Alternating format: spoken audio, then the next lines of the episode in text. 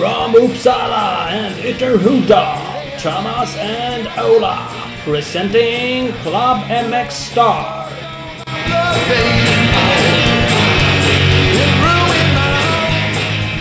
Hej, hej, hej! Välkomna Klubben MX Star. Jajamän. Avsnitt eh, 41. 41. Kör på det. Kör på det. Eh, presenteras av eh, Husqvarna Mm.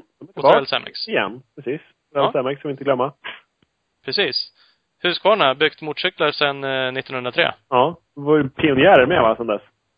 De har varit pionjärer sedan dess, är faktiskt. Inte så tokigt. Eh, så det är grymt. Där ska man kolla in nya Husky 16-cyklarna. Ja. Fantastic. Fina. Onödigt fina. Eh, så att, eh, Husqvarna sagt, tack till dem. Tack till Travel Cemex. Yes. Hej, hej, hej. Jag antar att ni har saknat oss. Ja, det är ju klart de har. Det måste de ha gjort. Vi har ju varit borta skitlänge. Ja, vad var det? Det är ingen ordning, så vi borde inte gå in på det egentligen. För att det är Nej, så dålig egentligen, ordning. egentligen är det pinsamt. Men om inte vi går in på det så kommer någon annan bara hacka på oss. Så att det är bättre att vi gör det själva. Ja, men vi blir glada när lite folk hackar på oss att de vill ha nya avsnitt. Ja, det, glädjer är ju faktiskt bra. Att, eh, ja, jag vet inte. Nu, men nu är det lite pinsamt. För vi skulle ju faktiskt ha gjort det här för länge sedan. Ja, ja men sådär är det. Det är mycket som händer i livet som man ska ha tid med. Men, men det är avsnitt eh, 41. Ja, precis. Och vi är tillbaka och pratar svenska igen, så folk förstår oss. Mm. Det Ja, var faktiskt. en ren succé att prata engelska, men vi kommer varva lite.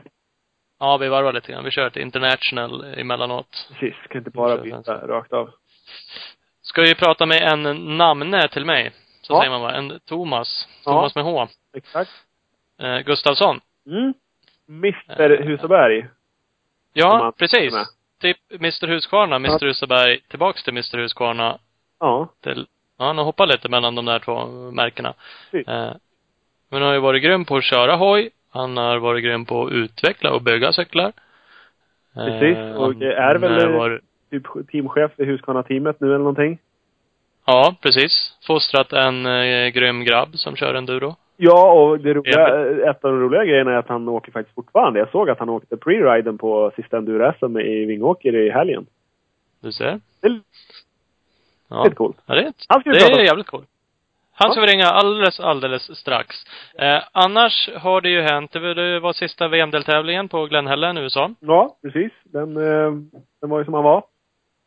Produktionsmässigt så är det ju löjligt. Det är ju, när man tittar på amerikanska mästerskapen i cross så blir man bara supertaggad eller ute och åka motorcykel och allt är så fränt och gräset är så jävla grönt och allt är coolt och, och så filmar de VM på samma bana.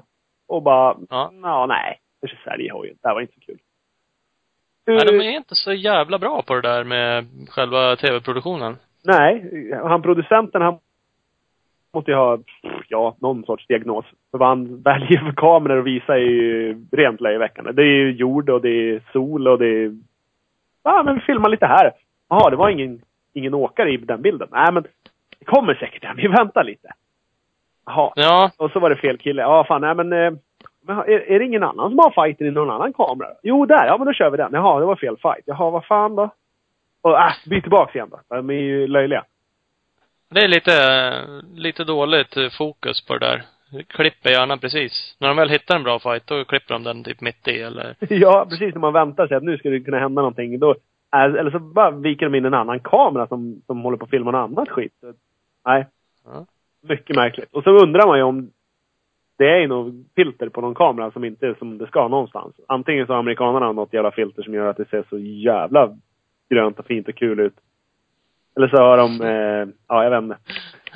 ett grått Europafilter. Ja, typ. Det ser ut som när man filmar i något jävla tyskt industriområde. Det är bara kolgruvor och rök överallt.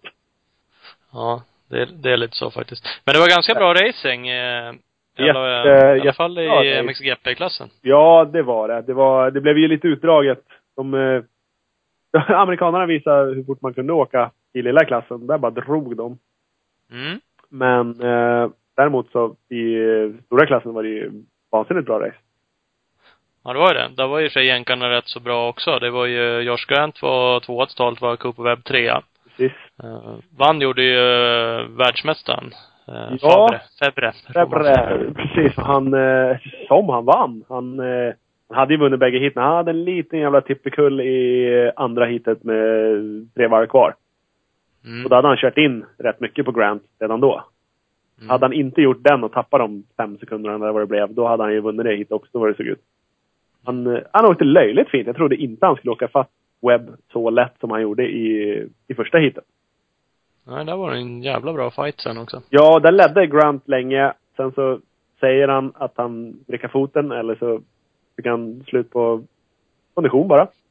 Mm. Eh, för att sen, eh, ja, och då ledde Webb ett tag och sen så kom Fabré ihop i fattan och ja, typ, ett tag såg det ut som han bara stod och åkte där bakom. Mm. Det var ju löjligt nästan. Vad fan ska han inte köra om eller? Nej, han bara pyser med här och kollar lite.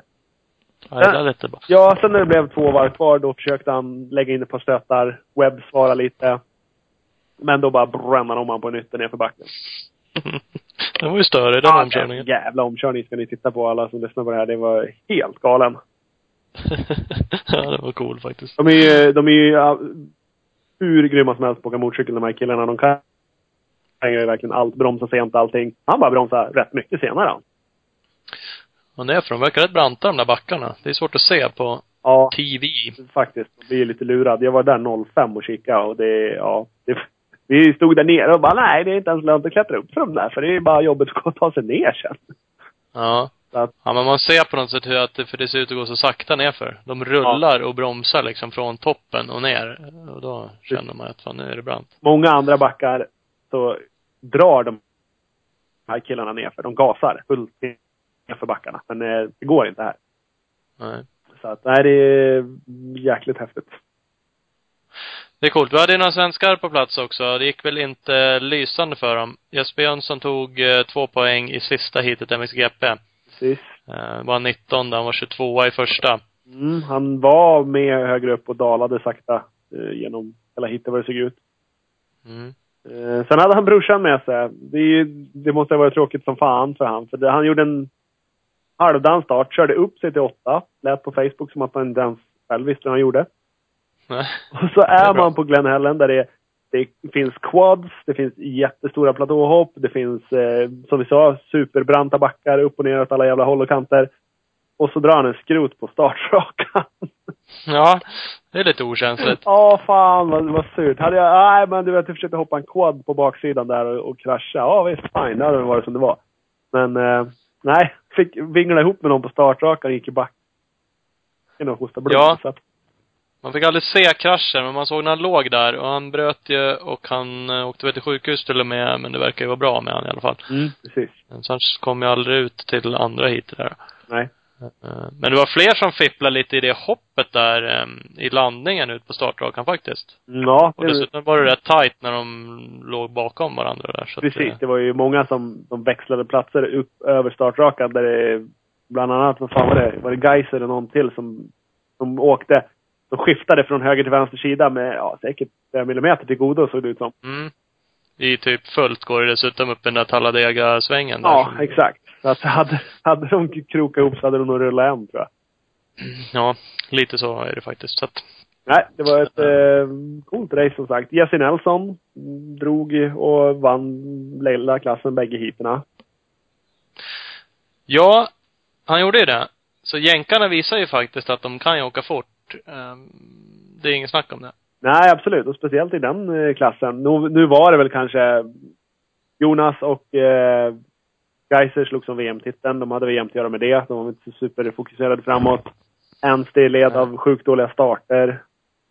Mm. Så, eh, ja, jag vet inte. Svårt att säga, men, eh, men bevisligen så tog de... Och Nelson tog sta- den andra starten och bara försvann. Mm. Han checkar ut den bara. han drog.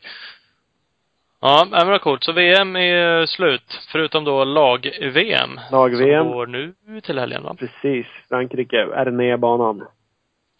Ska inte dit. Inte du heller vad jag vet. Nej. Nej. Det är lite tråkigt. Ja, det är det. Fast, ja, och i och för sig. Och normalt så kan man säga att ah, det är bättre att vara hemma, man ser bättre på TV.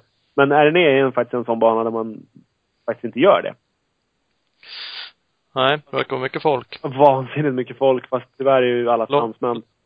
Långa Eh, köer till öl. Ja, det också. Hemma kan man ju vissla så kommer en, en ny ur kylen bara direkt. Vem visslar du på som Ja. kommer med en öl? Sambon eller någon. Ja, ja, ja. mm. Hundarna. Nej, man får springa själv då såklart. Men det är fan inte Ja. längre att man fortfarande ser TV. Man kan vissla på sig själv Ja. och gå dit. Ja. Typ. Nej. Så att vi får ju hävda det, att det är det som är grejen. Och plus att ölen är kall. Mm. Men ibland så hade jag ju Eh. klart bytt det mot ljummen bärs och stått där och skrikit. Lag-VM är det häftigaste man kan åka på eh, om man ska se motocross live. Ja, absolut. Eh, Det är ingen snack. Men vi har ju, Jesper Jönsson drar väl mer eller mindre direkt dit, eh, gissar jag. Han är med och drar Filip Bengtsson och Alvin Östlund. Precis. Så att vi har ju ett, ehm, ja men det är väl ett bra lag. Det var väl Norén där och som sagt som man kanske ville ha med från början. Det var Jesper som tog hans plats men, ja Jesper är ju regerande svensk mästare så att, Ja, absolut. Jesper kan åka motorcykel också och är ju framförallt bra tränad. Orkar ju åka långa hit och sådär också så att. Det är nog bra. Jag, eh, vad, vad, vad tippar du då? Lägg ett, lägg ett skambud nu jag på säga. Lägg ett tips på var de eh, kommer placera sig pojkarna. Om du törs. nej, jag, jag, Skit i det. törs skulle jag nog göra men jag har faktiskt ingen koll. Det är så jävla svårtippat så det är knappt kul att tippa det så. Nej, faktiskt. De är, kommer ju inte vara med i toppen. Ehm, De kommer ju kvala in tror jag. Ehm, Men eh, det, jag tror inte att den där banan och så att Nej, jag är inte heller säker på att det kommer gynna dem så fruktansvärt. Jag tror att Alvin kan vara runt tionde plats. Eh, ja. jag tror att Jesper kommer vara lite sämre och jag tror att eh, Filip kommer vara lite bättre. Mm, Ungefär så. ungefär så. Ja men det kan väl räcka. Nej men hoppas de kämpar på. Det är det viktiga. Kämpar, tar sig till final, eh, att det är hyfsat mycket svenskar där, att det är bra drag, eh, att de får åka hoj i ballaste tävlingen man kan köra. Ja, exakt. Bara det. Stolta. Sträck på er och Ja. bara dra. Vi önskar ju stort lycka till. Självklart. Ja, jag har köpt en supportertröja så att eh, den ska jag sätta på mig hemma. Spela det på. Och heja. det ha. Ja, kasta ostbågar. Ja, precis.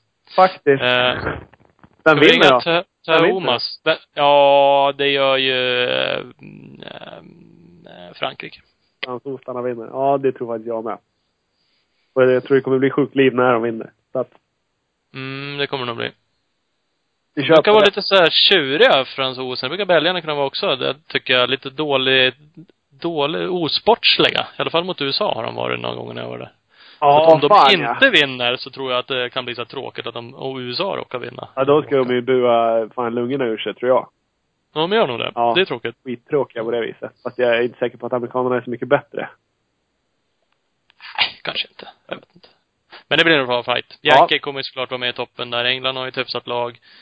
Frankrike har ju såklart ett jäkligt bra lag. Ja. Eh, Så att det ja, kan nej, det bli blir, det blir racing såklart. Så är det. Vad heter det? Ska vi ringa Thomas? Det gör vi. In med gästen bara. Thomas? Ja, tjenare Thomas. Det är Thomas här också. Ja, hej. Och Ola. hej. Jag är med jag med. Hej. Tjena. Ola har vi med oss också. Är allt bra? Ja. Ja, härligt, härligt. Jag, jag skrev upp både Mr Husaberg och Mr Huskvarna. Är du både och? Eller är du Mr Husaberg mest? Ja, och det är nog mest det kanske. För det har ju varit i 25 år. Ja. Ja. Men jag jobbade ju på Husqvarna innan också så att... eh, Och jag har ju tävlat mest på Husqvarna. Ja. Jo, men vi har förstått det. Vi har försökt göra lite eh, research eh, så gott vi kan. Och du finns ju faktiskt med på internet på ett och annat ställe. Eh, Både med lite egna meriter och som sagt lite Husaberg-historia då kanske framför allt. Eh, Så att du har gjort en del. Va, vad har du själv? Jag hittade två EM, eh, EM-guld va? 85 och Ja. 88. Ja, det stämmer bra eh, I enduro. I enduro i 500 fyrtakt. Ja. Alltså det är plus 500 kubik då, upp till 1200 kubik. ja. Det är ju den klassen som sen blev VM-klass. Jag, jag vann ju sista gången 88.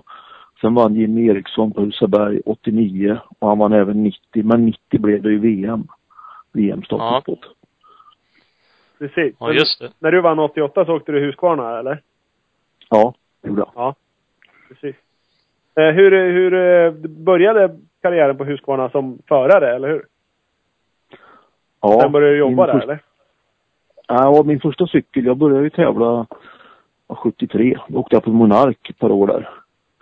Eh, Eh, sen köpte jag en Husqvarna. Det var väl 75 tror jag. 75 på hösten köpte jag en Husqvarna första gången. Ja, det var 76. 76 var det nog egentligen. Och sen eh, hann jag med ett par stycken. Sen började jag jobba på Husqvarna 1980. Mm. Eh, Vad, vad började du jobba som då? säga. Som konstruktör. Som på utveckling. Okej. Så du blev Okej. tävlingsförare och testförare lite? Ja. Fast mitt, mitt arbete var egentligen att vara konstruktör och ansvarig för utveckling av eh, endurocyklar. Okej. Det var... Då hann du plugga lite då under tiden du hade en karriär själv då, gissar jag, eller var det bara Ja, jag har ju gått fyra år på tekniskt eh, maskiningenjör. Ja. Och eh, jag jobbade på Volvo innan i Skövde som, ja, lite olika ställen. Men, men jag, jag började jobba som konstruktör där innan jag gick över till Husqvarna. Ja. Ja, men då ser man. Var det något speciellt konstruktör? Alltså var det både motor, chassi och hela biten, eller blir man inriktad på något specifikt? Ja, det var ju mest på chassisidan då. För att det gick till så att man, man fick egentligen en Husqvarna motocrosscykel och sen fick man göra om den till en endurocykel, alltså göra, göra en fjädring och allt det här med kabelmattor och lysen och allt sånt. Ja. och bromsar och liknande så att det passar enduro. Grunden var en crosshoj. Var det Ja. prio, eller var det det som man började med, eller varför var det? Ja, normalt sett på den tiden så var det ju så att crossen var ju det som det viktigaste för Husqvarna när jag började där. Och enduro var ganska litet.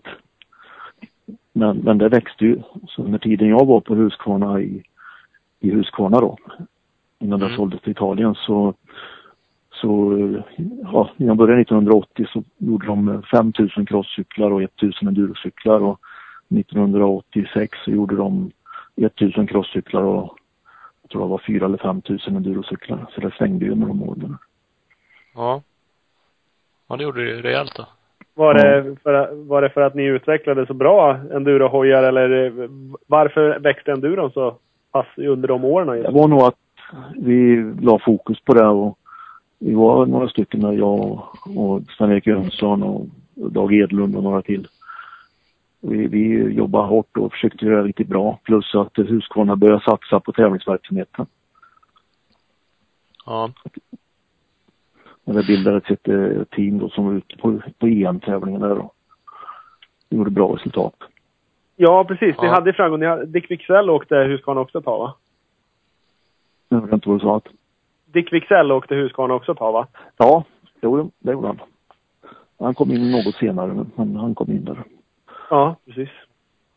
Vi är ju Uppsalabor i grunden, både jag och Ola, och då Det här- känner vi ju till. Det hann vi veta om. Ja. Precis. Ja. Så, är, det, är det viktigt teamverksamheten? Alltså då lät det som att det var det uppenbarligen för att driva på uh, utvecklingen. Ehm, är det en stor del även idag? Och nu är det på Husqvarna igen idag. Ja, det är man det viktigt. liksom? Ja, det, är- det är väldigt viktigt. Det är ju en stor del av marknadsföringen är ju att delta i tävlingar. Mm. Och då vill man ju såklart göra resultat och då gissar jag att man anser att det är, det är värt att satsa med, hyfsat med pengar för att göra toppresultat liksom i de stora mästerskapen. Ja, stämmer bra. Hur, eh, hur går det till där? Jag antar att eh, de grejerna som är liksom fabriksgrejer som sitter på en Husqvarna som de tävlar på idag, det är någonting som är utprovat tidigare. Man provar inte, utprovar inte så mycket grejer på team, teamförarna. Om du förstår vad jag menar? Ja, vi, vi börjar ju alltid med en standardcykel. Och sen har vi, det, på de mindre kubikerna så, så har vi väl lite trimning på eh, typ 450, 350 görs inte mycket. Vi kör väldigt nära standard. Mm. Däremot på fjädringen så har vi lite annorlunda. Vi har lite bättre framgaffel och den här träckstötdämparen bak som är lite bättre. Men det görs ju av VP som ägs av fabriken. Och vi har ju VP-fjädring från början också. Med en dyrare variant. Mm. Mm. Men jag kan tänka mig att när ni åkte då på 80-talet, så det som skulle testas fram till nya modeller och sånt där, det fick ni åka med på era hojar under tävling och så, eller? Ja, så blev det ju mycket att vi provade på tävling. Ja. Och, och det är ju egentligen det bästa för att det som går bra i tävling det är ju det, är ju det folk vill ha. Precis, och det, då vet man att det håller. Att testa fram en grej på träning, blir ju inte riktigt lik, samma påfrestningar, samma situationer i alla fall. Nej, det är bäst att tävla. Ja. Bäst att racea på. Är det någon skillnad alltså en fabrikscykel eh, förr mot en fabrikscykel idag? Alltså det är skillnad såklart på den gamla och den nya, men, men hur de skillnaden mellan standard och fabrik? Det var nog ungefär samma på den tiden som det är nu. Det är lite fjädring, ja. kanske någon fin trimning och lite, ja lite annorlunda smågrejer egentligen. Det är mer att man, man har sponsorer på grejer och använder deras grejer för marknadsföring. Mm. Ja. Och det är oftast ja, mer eller mindre eftermarknadsgrejer som kanske fler kan få tag på. Men det var inte så att ni gjorde om ramar och, och sådana grejer eh, då tidigare? Inte mycket. Det hände väl att vi gjorde det. Men ofta så kom ju det i produktion, den ändringen senare, ett året efter eller liknande. Okej, okay. ni, ni märkte att om vi flyttar den här, det här rambenet, den här ramdelen dit, då blir det bättre och så kör ni på det nästa gång sen? Ja. Grovt förenklat såklart, men ungefär så. Ja. Vi har ju forskat lite som vi sa faktiskt. Apropå det här med prototyper och testcyklar så har vi faktiskt från två olika ställen åtminstone hört lite skvaller om någon cykel som, som försvann. Ja, det var ju på Six Days 1982. Ja. Och det var ju så att jag åkte ju på Husqvarnas fyrtaktare.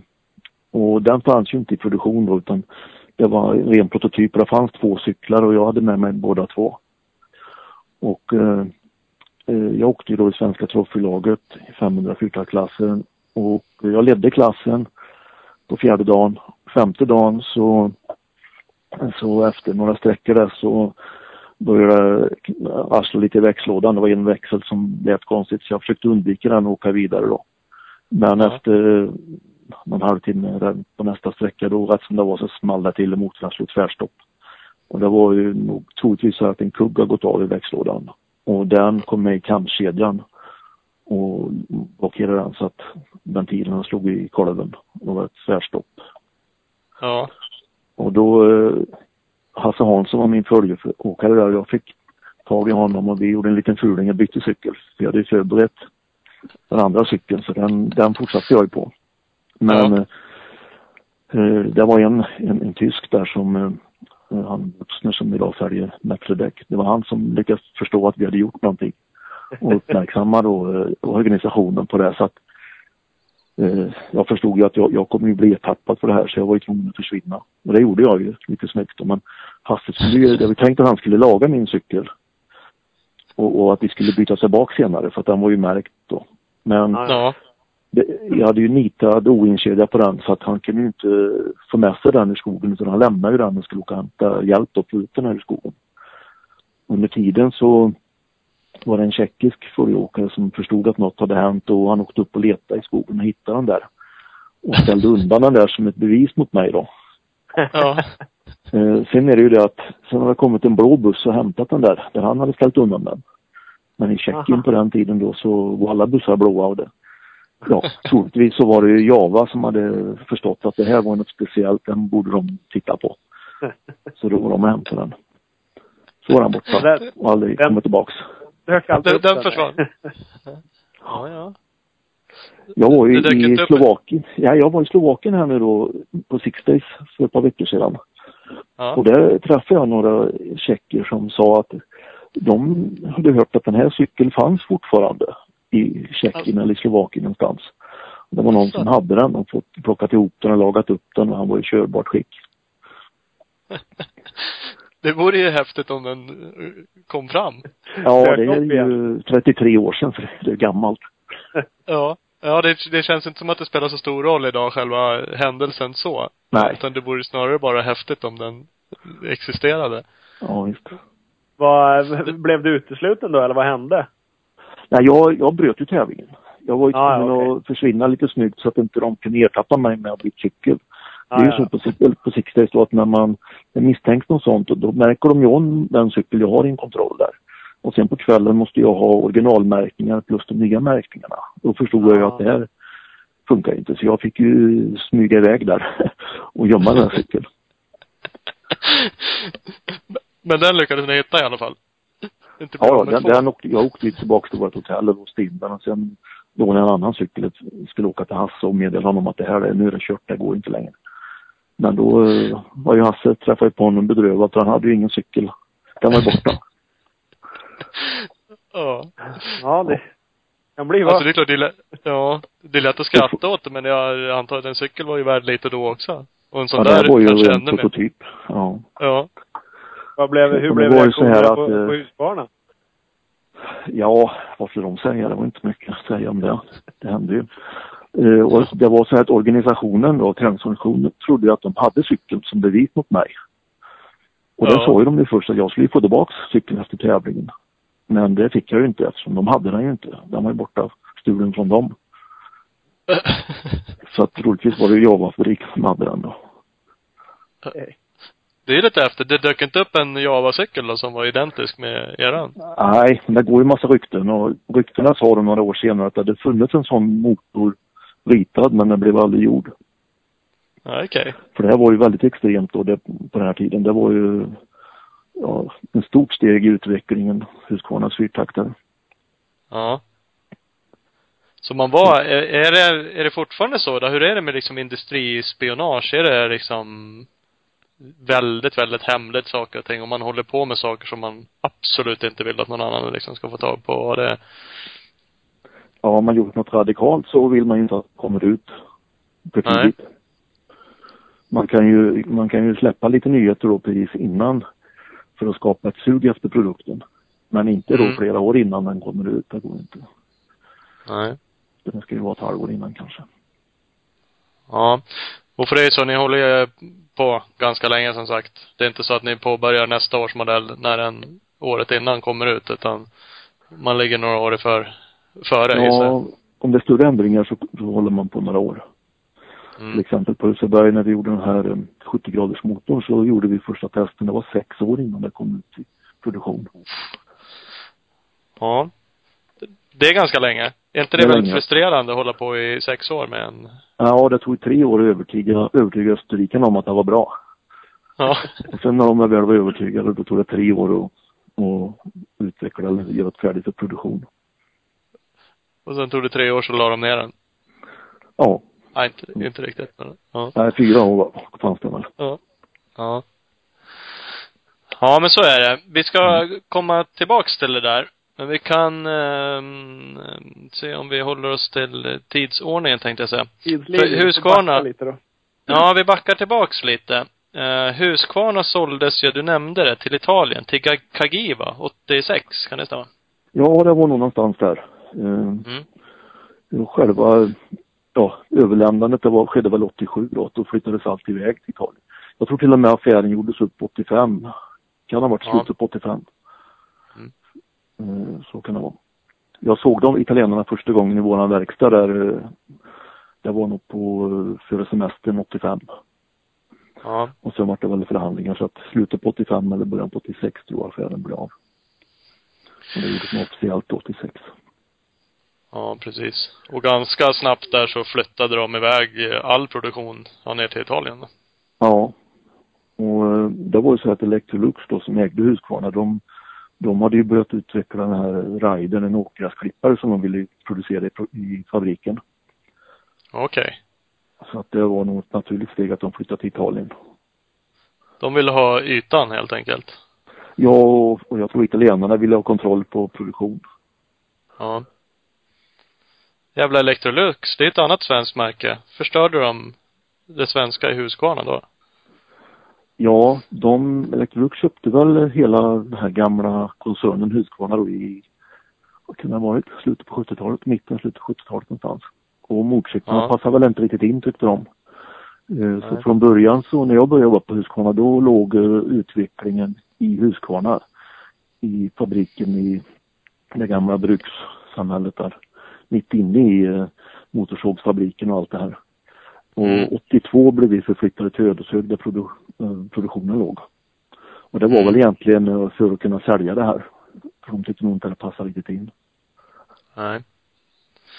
Nej, det är väl så med stora koncerner. Men vad, jag förstår att det inte var så kul för er. Fick ni erbjudande om att följa med till Italien eller var det bara tack och hej med alla som jobbar i Sverige? Ja, det var så här att jag och Sven-Erik Jönsson och Urban Larsson var i Italien för att diskutera och jobba där.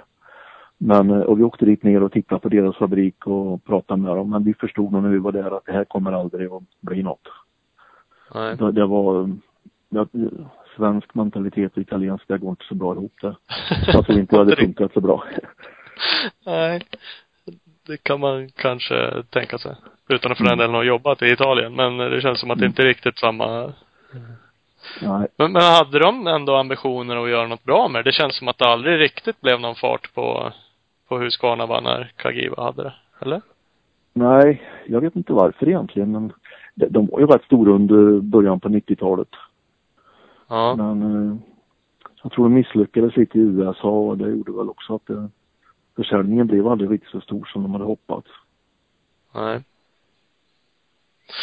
Och istället så eh, drog ni igång eh, ett nytt märke. För det var då ni Ja. drog igång Husöberg kan man väl säga. Ja, jag var inte riktigt med i de första tankarna där för jag hade ju ett fabrikskontrakt 87 med Husqvarna och tävla för dem då.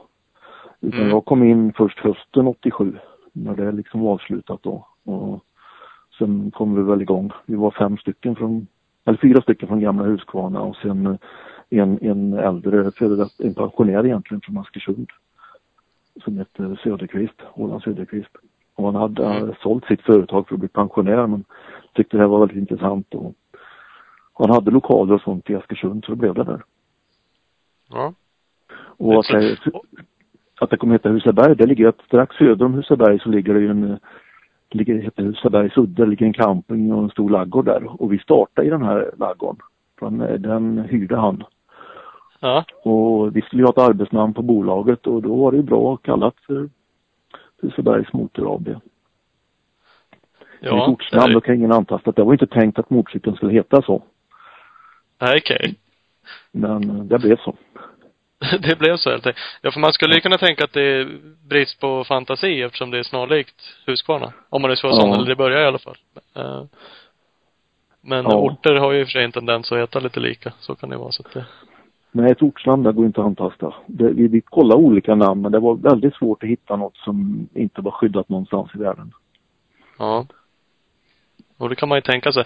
Du sa 87 där. Du vann ju EM 88. Det var på en Husqvarna, sa du va? Ja, det var en Husqvarna. Det var ju så att våran produkt var inte färdig. Nej. Eh, Så jag körde utan kontrakt året. Jag, jag hade ju Husqvarna-grejer kvar och jag hade väldigt bra kontakt med, med de som fanns kvar då i Sverige. Mm. Så att det var inga problem med material så.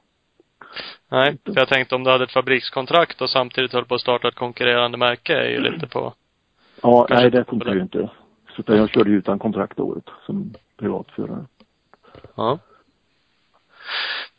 Sen, det känns ju inte, i och för sig så var ni ju duktiga och jobbat på Husqvarna, så ni behövde inte börja på noll där gissar jag. Eh, samtidigt känns det inte som en jättelätt grej att börja bygga motorcyklar sådär från Nej, det är ju väldigt svårt i och med att vi då skulle utveckla en väldigt avancerad produkt.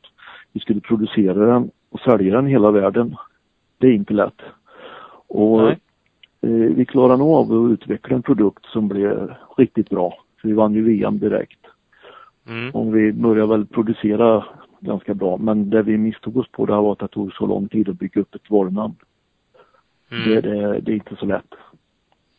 Och vi ser ju då att vi, vi höll på med Huseberg i 25 år. Och sen bytte vi ju namn på våra produkt till Husqvarna. När våran Ja. huvudägare köpte Husqvarna tillbaks då. Ja. Och ja, sista året Huseberg sålde vi 8000 cyklar. Första året Husqvarna sålde vi 16 000 cyklar. Fast samma cykel Ja. fast vi bytte tankdekal. Ja. Och då ser man ju vad varunamnet gör. Ja. Det är en väldig, väldig skillnad. Ja. Faktiskt. Ja. Ja, det är det. Men, men det är ju en bit i sig att driva business. Jag kan ju tänka mig, Ja. ja. du var ju ingenjör i grunden. Det var ju, gissar jag, det, det du tyckte var kul. Och kanske många mer, flera. Att bygga varumärken, det det är ju något helt så. annat. Ja, precis. Men vi var ju tekniker och vi satsade väldigt hårt på att göra en bra produkt och det tror jag vi lyckades med. Sen eh, var det ju lågkonjunktur där i början på 90-talet så det var inte lätt alltså att reda ut det här.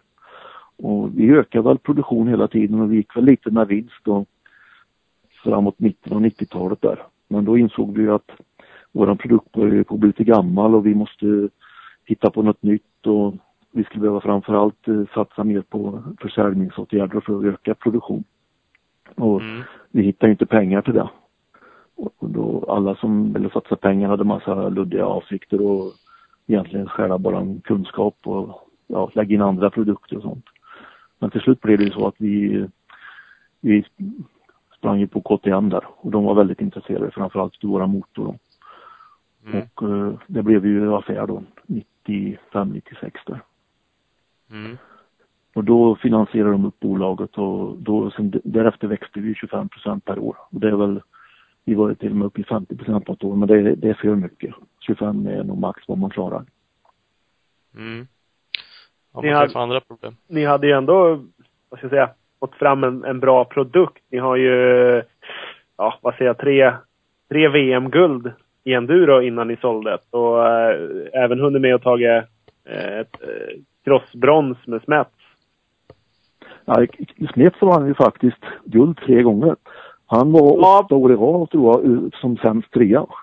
Ja, precis. Men det, han vann 95 första gången va? Så det, jag tänkte att då hade ju den blandats i. Det var nog Eller tidigare. Vann han, han innan också? Ja, ja, han började väl åka 91, 92 någonstans där. Eh, ja, det är möjligt. Kanske. Eh, jag ser att han vann 95 och 97 och 98 åt er. Ja, ja. Och så 99, så 00 böt han till KTM. Ja.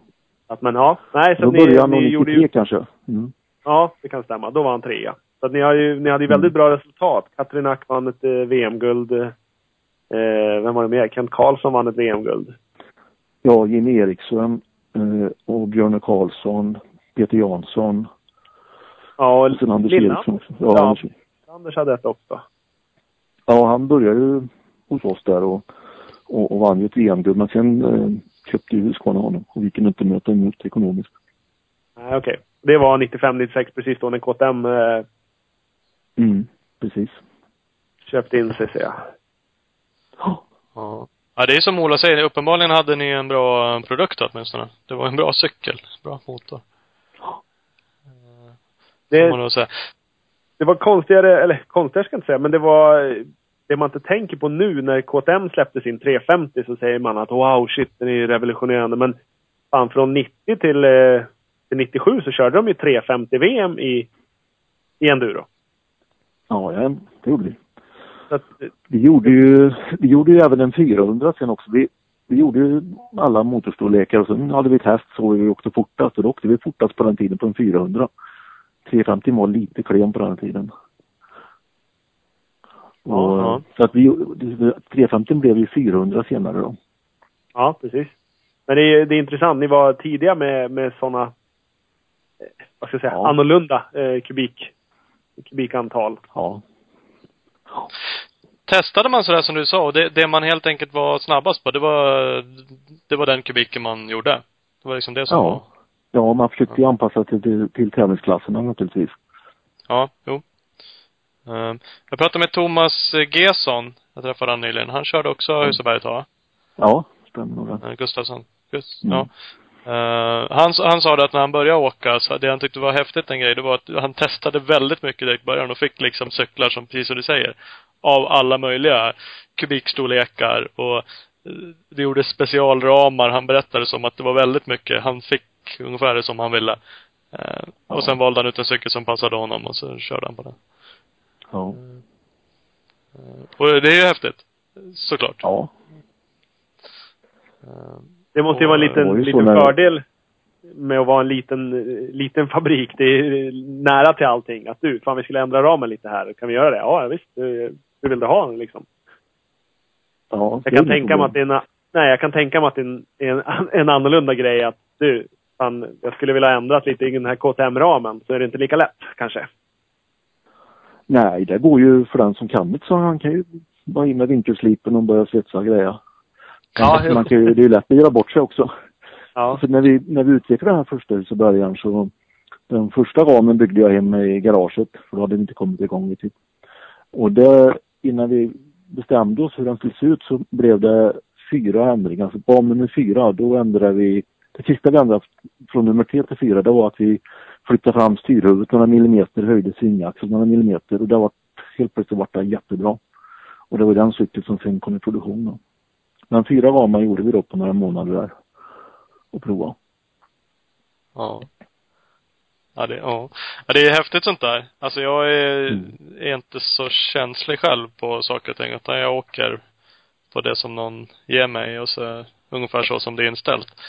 Eh, men man har ju förstått att väldigt små justeringar kan göra väldigt mycket. Ehm, ja. Vad det gäller allting. Du pratar höjder lite där, millimeter hit och dit och det är liksom, det är rätt så mm. häftigt. Och, man, man känner av detta, vet du. Det är eh, en halv grad på gaffelvinkel klarar man att känna. Ja. Och en halv grad på gaffelvinkel det är att höja och sänka cykeln 9 millimeter på bakhjulsaxeln ungefär, eller bakänden då. Ja. Det är häftigt. Är, testar du mycket, testar du mycket idag? Alltså är du ute och åker mycket cykel själv och testar fram eller åker de prototyper som kommer och sånt där eller? Ja, de sista åren så har vi inte gjort så mycket. Den, den sista stora cykeln vi gjorde var ju den här 70 graders motorn. Ja. Sen har vi inte haft så stora möjligheter att påverka utan det är mer bara passningar för tävlingsförarna. Mm. Och vi håller väl på att greja lite med, ja, små grejer men inte, inte så att vi uh, flyttar svingaxlar och styrhuvudet. Alltså flyttar svingaxlar har vi nog gjort men uh, styrhuvudet har vi nog låtit vara. Ja. För vad är din roll eh, idag? Du är teamchef eller vad, vad har du för roll på Husqvarna? Idag är jag ju teamchef för VM-teamet i enduro. Och även ja. i, i inomhusenduro har jag varit. Då. Ja. Eh, men då är du, du, du är heltidsanställd. Det är liksom, det är det du gör på Husqvarna? Ja, det är det jag gör. Ja. Är det, är du även, eh, vad ska jag säga, Jarvis och Gomez, Hard Race, eller Hard Enduro-killarna, är de också under dig? Ja, egentligen, de ville nog det egentligen från, eh, från Husqvarna i Österrike, men för min del så blev det alldeles för mycket. Men jag har väl fixat lite sponsorer åt dem och jag, och framförallt Gomez har jag pratat mycket med, för han åkte inomhus-VM också. Jarvis har jag inte riktigt så mycket kontakt med. Men eh, ja, lite grann har jag. Okej. Okay. Mm. Ja, men det är efter. Det finns ju en slogan som alla förknippar idag med KTM. Ready to race. Ja. Har de knyckt den från er? Eller från Husaberg? Om man ja, vi har haft massa sådana här slogan genom åren. Jag har väl inte funderat så mycket på dem. Nej. Eh, det, det var det där med marknadsföringen. Det ja, tråkiga. Det tråkiga, ja. Det får andra sköta. jag bara, jag, jag, hittade det också när jag forskade lite i det här. Eh, och det kändes, om det nu stämmer, eh, det vet vi inte då kanske hundra procent, men det är lite kul. För det är ju verkligen KTM förknippat idag, känns det som. Eh, det är ready to race ganska, ja. ja, ready to race. Mm. Eh, men det kanske så att figurerar flera. Eh, om vi, du har nämnt motorn. Den, den kom 2009 va? Den liggande motorn. Eh, ja, den, Så, ja, hur man nu ska benämna du, vad var det, 70 graders lutning eller vad sa du? Ja. Den, den stora grejen i den är ju att eh, vevaxeln ligger ovanför växellådan. Och bakgrunden till de här idéerna var att vi ville egentligen göra en, en 250 fyrtakt. Det, det tjatade vi på KTM då i slutet på 90-talet och början av 2000-talet. Vi gjorde prototyper och visade och vi ritade grejer. Men vi fick aldrig riktigt göra det där av någon anledning som jag inte riktigt förstått. Men de ville inte låta oss. Och då började vi fundera istället på vad kan vi göra för att göra en stor motor mycket mer lättkörd. Mm. Och, och, det är ju så att om man känner av som tungt på en cykel, det är inte egentligen cykelns vikt utan det är masskrafterna som, som rör sig. Och man kan ju beskriva det här som om du snurrar ett cykelhjul på en axel. Sen håller du armarna rakt ut och vinklar där fram och tillbaks. Då känns det lite tungt, det vill liksom ramla iväg. Men ju närmare du flyttar kroppen så blir det lättare. Då funderar vi som så att de, det innebär att de, de masskrafterna som snurrar, som är tyngst och snurrar fortast i vevaxeln, den skulle då ligga i cykelns tyngdpunkt. Och då, då började jag på fundera på att ja, vi, vi sätter väl veven i cykelns tyngdpunkt och den är ju strax under förgasaren i en vanlig cykel. Mm. Så jag och någon till, vi åkte iväg på Six Days och då var Björn och var mekaniker och en till, de, de var kvar hemma och då sa vi till dem att ja, nu är vi borta i två veckor. När vi kommer hem ska ni ha svetsat ihop två motorer så att vevaxeln ligger ovanpå växellådan. Och när vi kom hem så hade de gjort det. Mm. Eh, två 50-50 motorer. Alltså växellåda från den ena och, och tagit vevaxel och topp från den andra och så svetsade de ihop det. satt vevaxel ovanför växellådan. Ja. Men första gången de startade den där, då sprutade jag olja åt alla håll naturligtvis då. Ja. Men fick väl ta isär den och sitta lite till och till slut var jag färdig att provköra. Och sen första gången vi provkörde, vi kände direkt första svängen man tar att det här var rätt. Det var mycket, mycket lättare att få ner i svängen och, hantera överhuvudtaget. Ja. Så det kändes ju jättebra. Det här var 2003. tror jag. Och ja, vi började då påverka Österrike att vi skulle liksom dra igång ett projekt och göra en sån där. Men det tog lång tid innan de kom upp och så kom de upp och provkörde. Och de var lite tveksamma och sådär. Och ja, ni får rita ändå bearbeta fram en motor ur, ur massivt block då. Ja. Eh, Så det gjorde vi en dag, en sån Huseberg. Bearbetade fram block och gjorde en eh, Huseberg-variant. Så kom de upp och provkörde igen. Och konstaterade, ja det var nog bra. Men de var inte riktigt säkra. Så vi fick göra en till i, i Jaha. Och den, den cykeln hänger fortfarande i, taket på vår verkstad. Jaså? Ja, den Ja. hänger. Och det gjorde vi. Så kom de och provkörde igen och konstaterade, ja det var nog bra det där. Så då hade det gått tre år. När de väl var övertygade.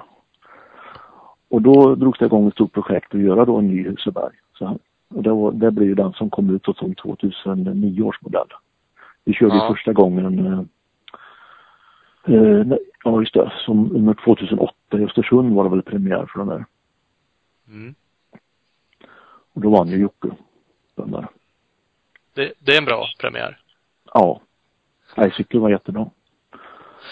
Det känns som det var väldigt, jag har faktiskt aldrig provkört den, eh, vilket är synd. Det borde jag göra någon gång när jag får tillfälle.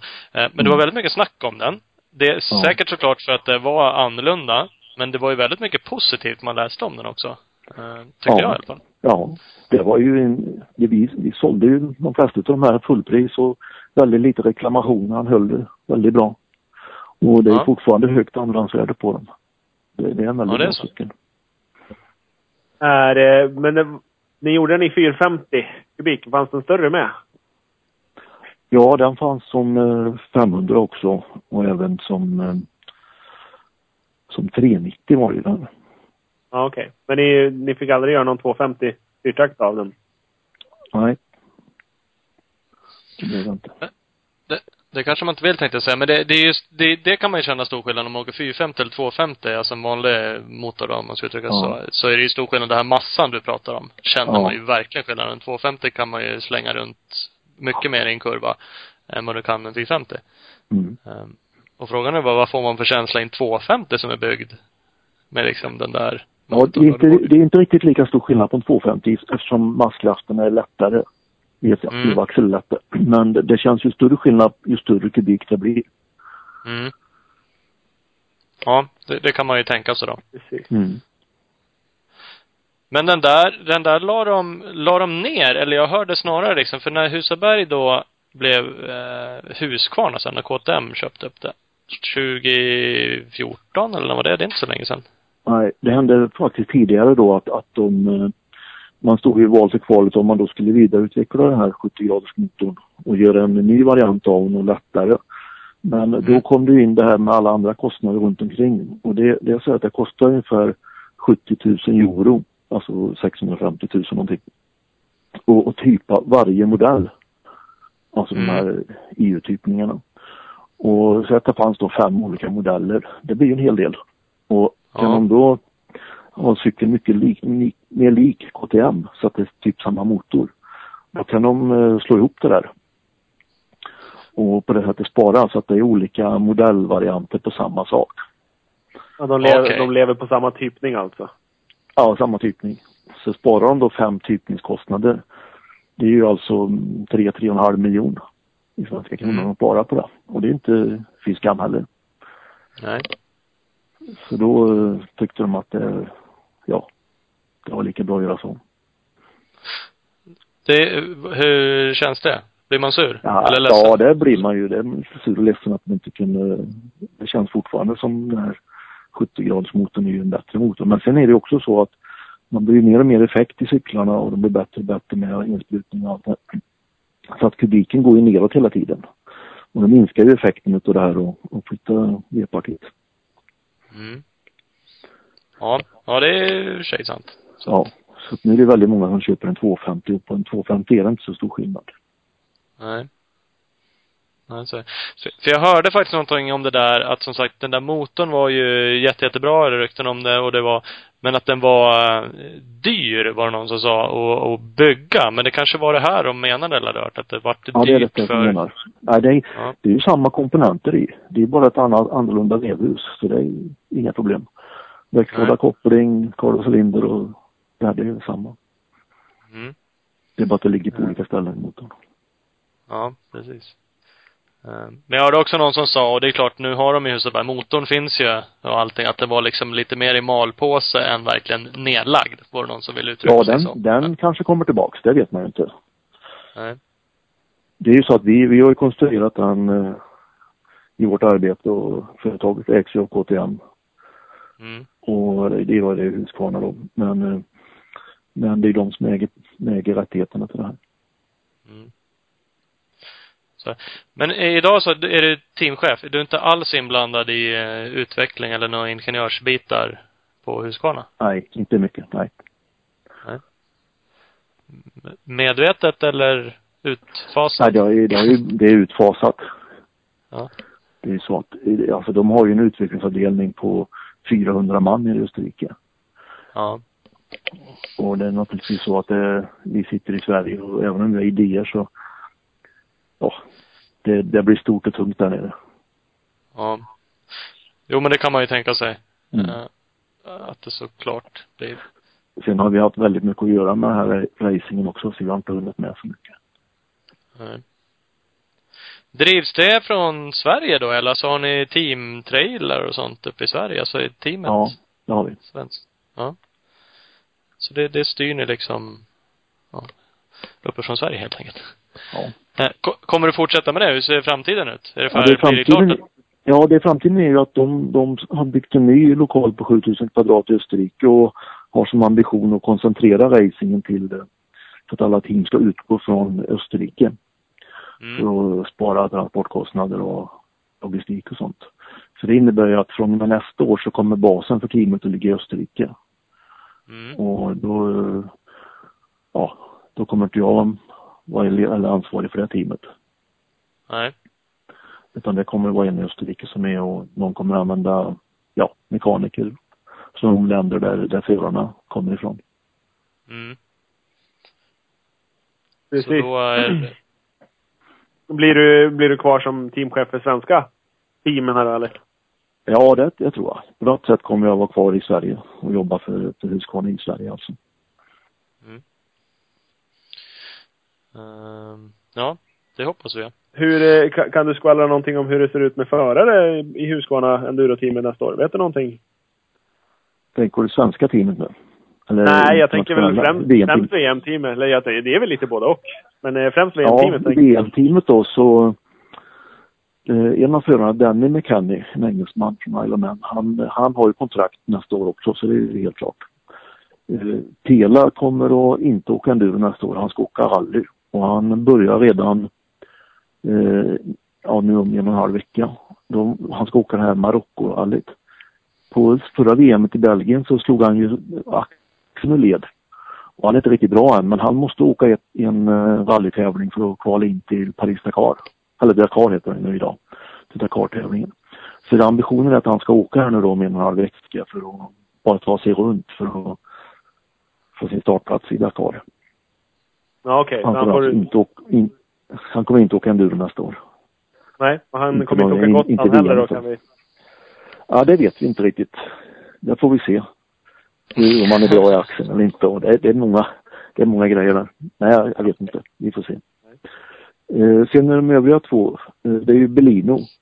Mattias Bellino. Han eh, har skrivit på för nästa år, men inte officiellt än, men det, det blir det strax. Okej. Okay. Uh, eh, Jamie har nog i förhandlingar just nu. Men det har ju ställt till lite med de här nya regelverket. Uh, vi är på förslag att göra om och göra en sån här en klass bara för de värsta.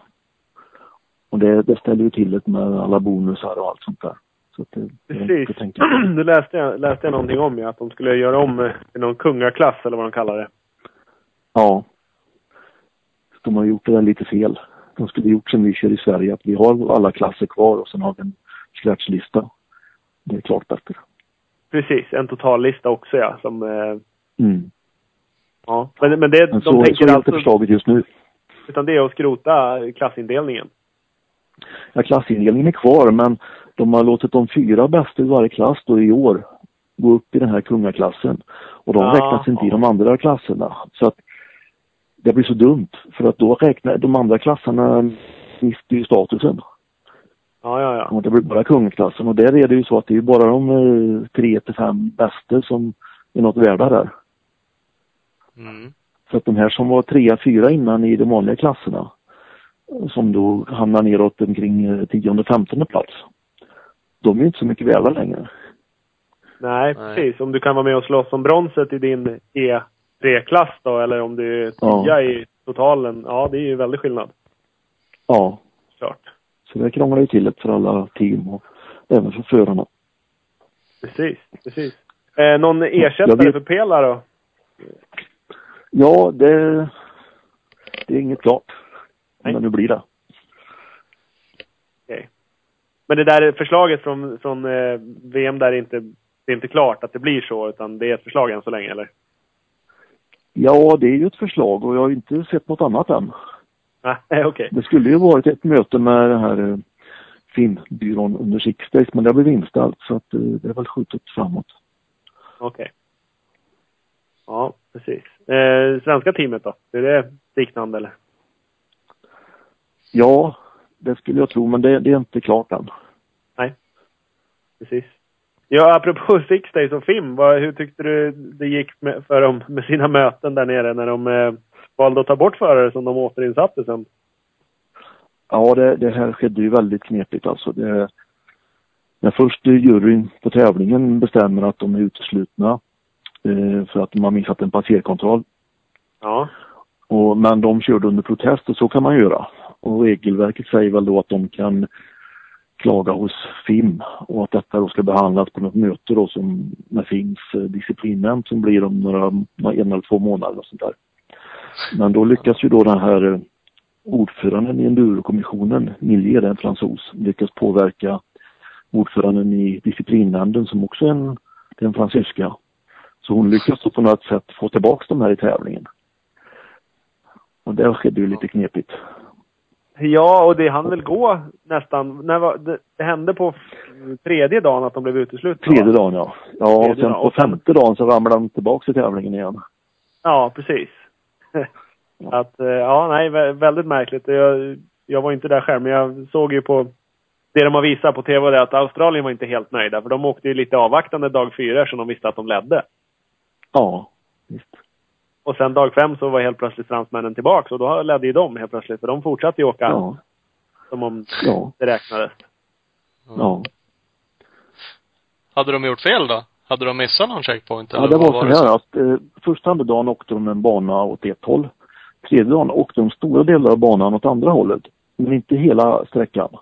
Och det här, när de åkte på en väg så de skulle åka vägen rakt fram och det fanns bara rakt frampilar. Men då kom första dagens bana upp på den här vägen. Och där var det ju, först var det 18 förare som åkte rätt. Sen kom det en klunga på tre, fyra stycken som svängde ner då, åkte ettans bana baklänges. När de svängde av ner på den här stigen så var det en felpil. Då, då ska man normalt se den och förstå att nu är man fel och då ska man vända och ja, åka rätt bana då. Men missade Ja. de. Åkte tre, eller fyra, fem kilometer gårdagens bana åt fel håll utan någon enda pil och kom till slut då på den rätta banan igen. Men hade de missat en passerkontroll. Ja. Och totalt sett var det åtta stycken då i olika grupperingar. Några åkte rätt, någon åkte fel och några åkte rätt. Och så. Åtta förare åkte fel. Och det är ju, Okej. alltså regelverket säger ju att de har missat en passerkontroll, helt klart, då ska de vara uteslutna. Ja, det var ju inga, eh, dels var det inga duvungar. Det var ju mm, proffs-VM, eller ja, det var ju proffskillar allihopa. Det var inga klubbförare. ja. Så att de, om de hamnar på en stig som är tre kilometer åt ett håll utan pilar så borde de kanske reflektera över det också. Och sen om, om någon Ja, åker rätt emellan och sen är det två som åker fel igen, då är det ju då är det inte pilningen eller banan sådär som påverkar heller riktigt. Nej. Det är ju så ändå att om man är ute på en väg så följer man den vägen tills det finns en svängpil åt något håll. Men det fanns ingen svängpil ner här där de åkte ner utan de bara följde en tidigare Spåren. bana. Mm, tidigare Ja. spår, ja. Men det borde ju vara ett förarmisstag, kan man ju tycka då spontant. Och då borde man ju kanske Ja. straffas för det.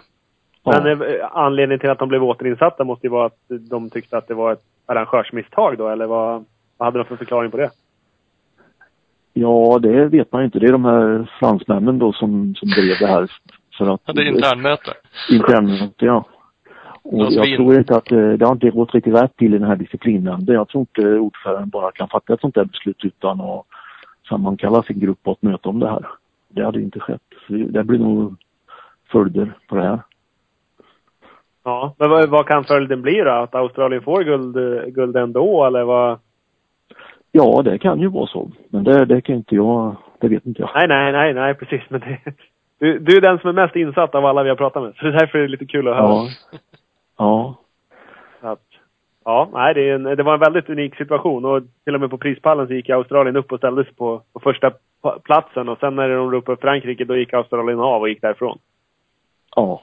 Och det tycker jag, det gjorde de snyggt. Det var ju jubel. Alla applåderade och tyckte det var jättebra gjort. Alla såg Ja, ju- Australien som vinnarna. Precis. Det var ju en, eh, det var ju en, en ganska markant protest från deras sida. Ja. Och ändå eh, skö, snyggt skött, måste man ju säga. Måste man ge dem.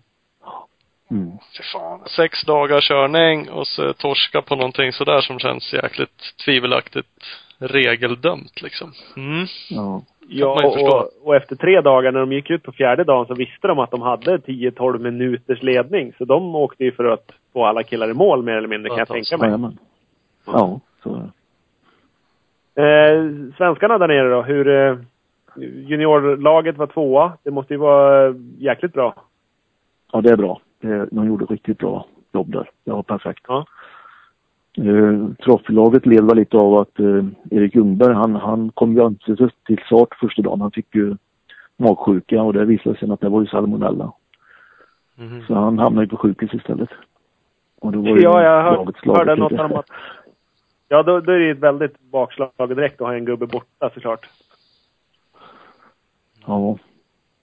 Jag hörde någonting om att han nästan blev inlåst på sjukan eftersom han, han hamnade Ja, i han var väl isolering. instängd. Ja, det vart han. Han blev instängd. Men han lyckades ju fly. Eller smita eller vad man ska säga. Så att polisen jagade väl nästan honom med ett tag där. Det är härligt. Ja, de ville inte släppa ut honom från sjukhuset utan att ha fått provsvaren. Och det kan man ju förstå. Men han Ja, trivdes väl inte att vara där riktigt. Han började på att känna sig lite friskare och då passade han på att försvinna därifrån. Sen dagen efter så, så fick han ett provsvar och då var det salmonella. Så. Åh, fan. det är ju fint om man tar sig tillbaks och smittar ner Ja. hela resten av svenska laget. Ja. Svenska lagen. Mm. ja, ja. Det är bra historier. Precis. Kul om inte annat. Eh, Men sen, ja, de rullar ju på. Jag fick uppfattningen att fokus lags lite på juniorlaget eh, för att få ett så bra resultat som möjligt där. Ja, det var ju. Och sen blev ju trofélaget, det blev ju en liten blandning utav eh, några seniorer och sen eh, juniorer på väg upp Mm. som behövde lära sig. Precis. Precis. Hur många six days har du åkt själv? Oj, det har jag nästan tappat räkningen på. Det är väl en, eh, kan det vara, 78 till 91 som har nått, ja det kan det vara en 11, 12, 13 stycken. Sådär ja.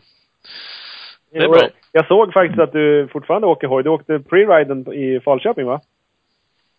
Ja, det har jag gjort. Eller eh, vad heter det? Vingåker. Vingåker menar jag. Och har Ja, du åkt alla pre-rides? Ja. ja. Inte alla. En åkte jag inte. Men eh, ja, några har åkt. Det är kul. Ja, åker du mycket Känner- hoj annars? Du är inte sugen på att åka typ veteran-RM eller något sånt? Du har väl följt upp kanske? Ja, det, ja, jag har för, för dåligt tränat för det tycker jag. Så Okej. Okay. åkt i, i Vingåker och tre varv där. Det, hade nog varit lite för mycket för mig tror jag. Då behöver jag träna några månader innan. Och det är ju för jobbet. Ja, ja, ja. Ibland är det så. Man kan stå bredvid också. Och köra ja. ett varv Men vi har ju på- lite tävling i det här Frida-gänget med. Vi tar ju tider också, våra egna tider. Det är kul. ja, härligt. Det är rätt. hur, eh, hur går resultaten där då? Ja, alltså nu var ju nu sist så var ju Albin och körde. Det var ju första gången han körde efter sin handskada då som han opererade. Han var ju klart värst naturligtvis. Där hade vi inte Ja. en susning. Men sen är det ju Christer Ljunggren, han, han är ju skarp alltså. Jag hänger inte med honom idag. Okej. Tyvärr. Ja. Och förra året så var ju Bosse Högberg med och körde. Han var ju värst. Nu åker han veteran-SM. Det- Eller ja, det vann han ju. Så. ja, precis. Han var ju, han åkte väl Ja. inte ens sista nu tror jag, han var redan klar mästare. Han var redan klar ja. ja. Men det är, det är många som, som du och eh, ja, Christer Ljunggren, eh, Sven-Erik Jönsson har vi pratat om. Sådana som skulle kunna åka veteran men eh, ni har slutat lite för mycket eller hur? Ja, det, det blir så mycket då. Om det blir en riktig tävling där och det är svårt att hinna med allt. Ja. Och det är väl Det som du säger, det är rätt extremt. Jag och Ola provade ju på i breddklassen uppe i Söderhamn. Ja, Och vi körde ju två varv. Och VRM körde tre va? Ja. ja, Och Elit körde fyra. Alltså de där två, det var tre timmars körning. Det kan jag ju säga räckte gott och väl för mig. Ehm, så att, eh, ett varv Mm. till. Mm. du kände säkert av det dagarna efter också. Ja, jo då. Lite. Det kan man ju, det kan man ju lugnt säga att han gjorde. Så att, eh, det, det är mycket åkning, även liksom om det nu ska vara en veteranklass, alltså folk som har åkt för länge sedan liksom. Det är inte Mm. bara att ställa upp, det är som du säger, man behöver nog träna lite. Så Jag brukar att, åka de här eh, vintercupen. Det, det är bra träning. Ja, ja men det kan väl vara lite lagom. Eh, jag, jag har en annan fråga bara sådär. Vi pratade lite om eh, motorn där som, den lutande 70-graders motorn. Ja. Yamaha har ju en motor som är lite bak och fram också. Mm. Eh, där hörde jag någon som skvallrade om att det kan eventuellt vara också ett gammalt Husaberg-koncept. Kanske det här med industrispionage, att det har någon som har kommit åt något. Ja, det där är lite förmodat. Jag har inte pratat om. Det vill jag inte... Man kan ju ha lite idéer om det där, men det, det, det får nog vara tio år till. Ja, ja. Ja, men så kan det vara. Kan sp- Ja. spara på vissa grejer. Ja. Ja. Så att vi kan köra avsnitt två av det här. ja, visst. Det, det elfte budordet inom enduro då? Är det något man Ja. kan prata om? Ja. Det, vi kan ju säga att vi har haft en sån eh, eh, motor alltså, som vi har testat. En liknande sån. Som vi ju testade redan 1997. Okej. Eh, så hade vi en sån motor. Så vi har en sån, ligger i hyllorna. Ja. Men det, det, det var ju fortfarande ett fel på den. och Det var ju att veven låg på fel ställe. Mm. Så, Som ni rättar till sen? ja. Så ser. Då gjorde ni en riktig, en riktig Ja. motor. Så, som den skulle vara. Ja, det är sant. Eh, det var, som sagt, det finns ju tio budord inom kristendomen. Elfte budordet inom enduro. Det säger inte mig Jaha. någonting. ja, det är ju att man ska inte bli upptäckt. ja, är det så det? Ja. Det är ju som de här alla gamla historier om Sixtest, det är ju att på en vecka så händer det grejer. Och alla lag försöker ju få sina deltagare i mål och ja, det, då försöker man ju med det. Så Ja. att genom åren här så har blivit mycket historier om detta. ja.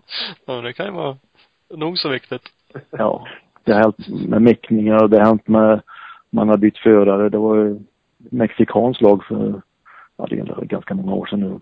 De, de var inte riktigt så tränade på den tiden och de, blev lite trötta så de, de bytte ju förare och körde varannan dag. Det var en som Ja. ja. Så delade de på en cykel. Det var, det var ett sätt att orka med. De såg nästan likadana ut så det är ganska bra. Ingen kände dem. Nej, det är fantastiskt. Ja, det är väl sådär. Alla sätt är Ja. bra. Och som sagt, det gäller att inte bli upptäckt, eller vad var det? Känner? Det var det jag blev 82 i Tjeckien där. Det, då var jag på väg att bli ertappad och då var jag tvungen att åtgärda det. Ja, för, försvinna helt enkelt. Ja. Men jag gjorde en annan snygg grej 1981 var det. Då åkte vi på Elba i Italien och då, då hade vi trumbromsar på cykeln och tredje dagen där så började min bromstrumma lossa i bakhjulet och började på att komma ut genom bromsskölden och det där var ju inget bra. Nej. Det, det, och hjulet var ju märkt och allt det där. Och vi funderade ju på hur man kunde lösa det där och Hasse Hansson var min föråkare på den tiden och vi löste ju det lite snyggt. Det vart lite bråttom att fixa det här och han lyckades ju få tag i en, en cykel från en bruten förare. Det var en mexikan. De bodde i närheten av oss. Så att de Han var och snodde det där hjulet, eller lånade det hjulet heter det. Ja. Och sen ritsa om märkningen och sen eh, då var ju tvungen att ske då ganska snabbt eftersom min cykel var på väg att rasa. Så att vi passerade vårt hotell och det var hål i häcken där så där såg jag till att lucka så jag smet ju in där. Och sen satt vi bytte vi hjul. Och sen ut genom hålet i häcken igen och så in i kontrollen och undrade liksom Åh vad du kom sent var du vart? Ja, jag stannade och pissade sa jag. Och sen eh, körde jag den resten av veckan och ingen upptäckte det. Och det gick bra. Det gick inte så bra för laget men eh, jag kom i mål i alla fall. Ja. Så det blir ju en sån där rolig historia sen.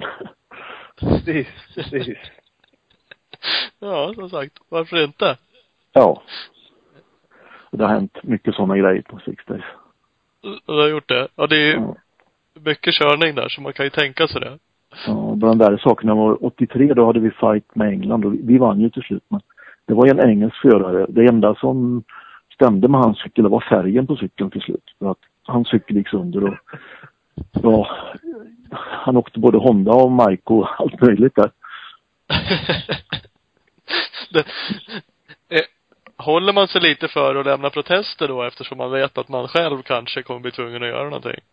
Eller? Ja, han, han var ju även från hemmalandet och då, då är det lättare att göra det. För det var ju ingen bland de kontrollanterna som, som satte dit honom för det där utan Nej. Ja, hans cykel gick ju sönder och då fick han ju lösa det på något sätt och då åkte han på en annan cykel ett tag tills de hade lagat hans cykel och sen bytte de tillbaks igen. Ja. Varför inte? Alla sätt är bra utan de dåliga, säger de. Ja. Jo, det är ju så. Ja, men det är ändå Men- lite kul. Det var mer sånt länge för förr, för länge sedan. För cyklarna var ju mycket sämre då. Idag är cyklarna Precis. bättre och det händer inte så mycket. Nej, vad det jag tänkte, tänkte komma till. Är det liknande idag? Jag tror det är svårare att byta förare och grejer idag. Ja, och sen, sen har ju alla en mobiltelefon med kamera i och allt det där så att det, man är mycket mer påpassad idag. Precis. Mm. Det finns liksom en film eller ett foto på allting som händer, mer eller mindre. Ja, ja. Ja, jo, det är väl så förstås.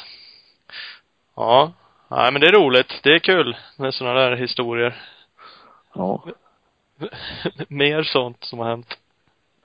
Men, eh, det var jättekul att prata med dig. Ja, Ja. ska, stort tack för att du ville vara med. Ja, tack så mycket själva. Och vi får se om vi hörs om tio år och går igenom eh, Ja. den här ja. historien igen. Lite djupare på den då. Mm. Ja. ja. Vi ses eh, förhoppningsvis eh, framöver. På Det vi. lite tävlingar om inte annat. Så får du ha det bra. Tack så mycket. Bra, Ja. tack så mycket. Hej, hej. Hej. Ja, men visst Ola. Ja, det är mycket. Fan, vi, vi är unga. Vi har inte så här bra stories. Eller ja, jag har, några stories har vi fan vi med. Det kom, jag vet, jag tror att de kommer mer. Ju äldre man blir, ju mer kommer de där eh, poppa upp för en. Det är Ja. där man kommer att minnas. Faktiskt. Jag vet, jag har ju varit på ett junior-VM och, och flyttat märkningen, för där fick man bara ha en hoj. Men den, Ja. först så släckte vi en motor, så då fick jag byta motor i den hojen. Och sen så rasade den andra motorn, så då, då var vi tjuvlåna en annan hoj. Och så eh, flyttade jag märkningen på ramen så att vi kunde åka sista hitet också. Ja, det är så, Det alltid frågan när man ska eh, berätta saker och ting. Jag har ju kört ett litet mini Suzuki-team en gång i tiden med en kille. Eh, Så min cykel eh, gick ju faktiskt ett SM-hit där med ganska bra placering. Ja, precis. Vilket den kanske inte borde ha gjort då. Nej, men det, det går det med. Om man ska följa reglementet. Det gick det med. Det gick alldeles utmärkt. Det var stressigt i depån. Det Ja. var till en hål i motorn på den som borde ha kört. Ja, det ser. Den cykeln som borde ha gått det hitet. Då får man byta lite plast och sådana där grejer så att det ser ut som det ska igen. Då får man till en panikbyta allt sånt och styren och rör och ja. Eh, Så kan det.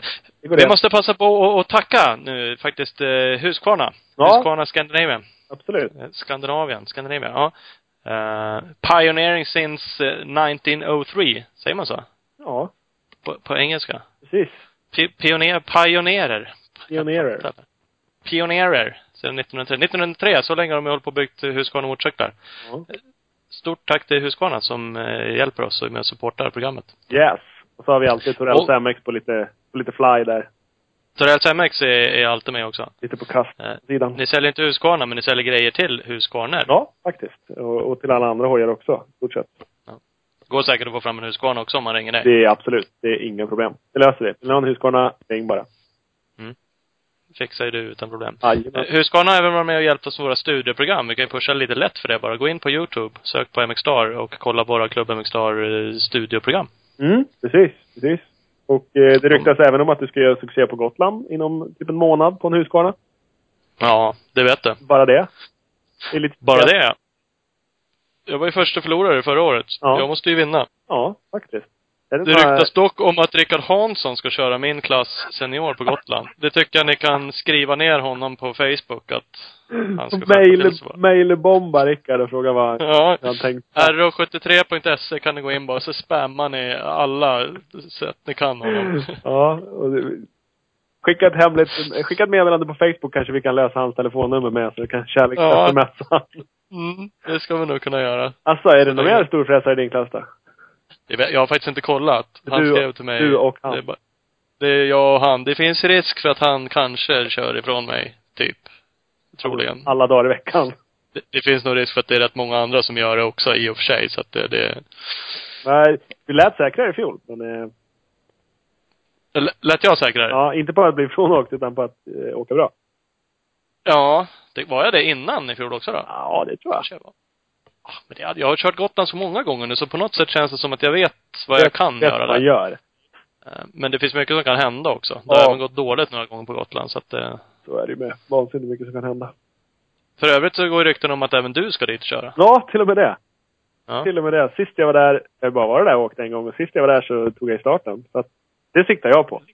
Ja. Där har jag min, Det- eh, min Och sen, merit. kok, sen kokar sen kokar, sen kokar du bromsen lagom tre banor på. Nej då, sen, du- sen kokar jag hela hojen efter tre varv. Så att, eh, Ja, du körde hela hojen den Ja, gången. faktiskt. Det är olika. Varmt ska det bli bara. Ja, precis. Bara, bara det blir varmt. Ja.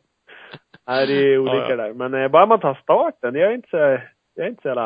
Äh, Resten kan jag skita i, men jag är snabb i början i alla fall. Mm, det, är bra. det är inte jag tyvärr. Kanske. Men, Vi har varsin grej vi är bra på. mm, ja, precis. Så enkelt. Så. Ja, så. Var kul som vanligt. Eh, när siktar du på att komma tillbaka? Vet vi det eller? Det vet vi inte, men jag tror att det blir eh, ganska så precis eh, nästa vecka efter lag-VM och vi ska ha med Jesper Jönsson. Spännande. Jag droppar det, för jag tror att han blir vår nästa gäst. Ja. Eh, Vi ska ju även köra med Phil Bengtsson. Vi är med. Förhoppningsvis på engelska. Då kör vi på engelska igen ja. Eh, För han är ju GP-star. Mm. Så tänkte vi testa det. Jag skummar igenom startlistan här på seniorklassen lite nu och den ser tung ut. Den ser tung ut. Mm. ja, jo, jag kan tänka Om mig. vi säger så. Så att, det blir bra. Eh, vi hörs igen. Ja, vi gör det. Tack och hej. Hej, hej, hej.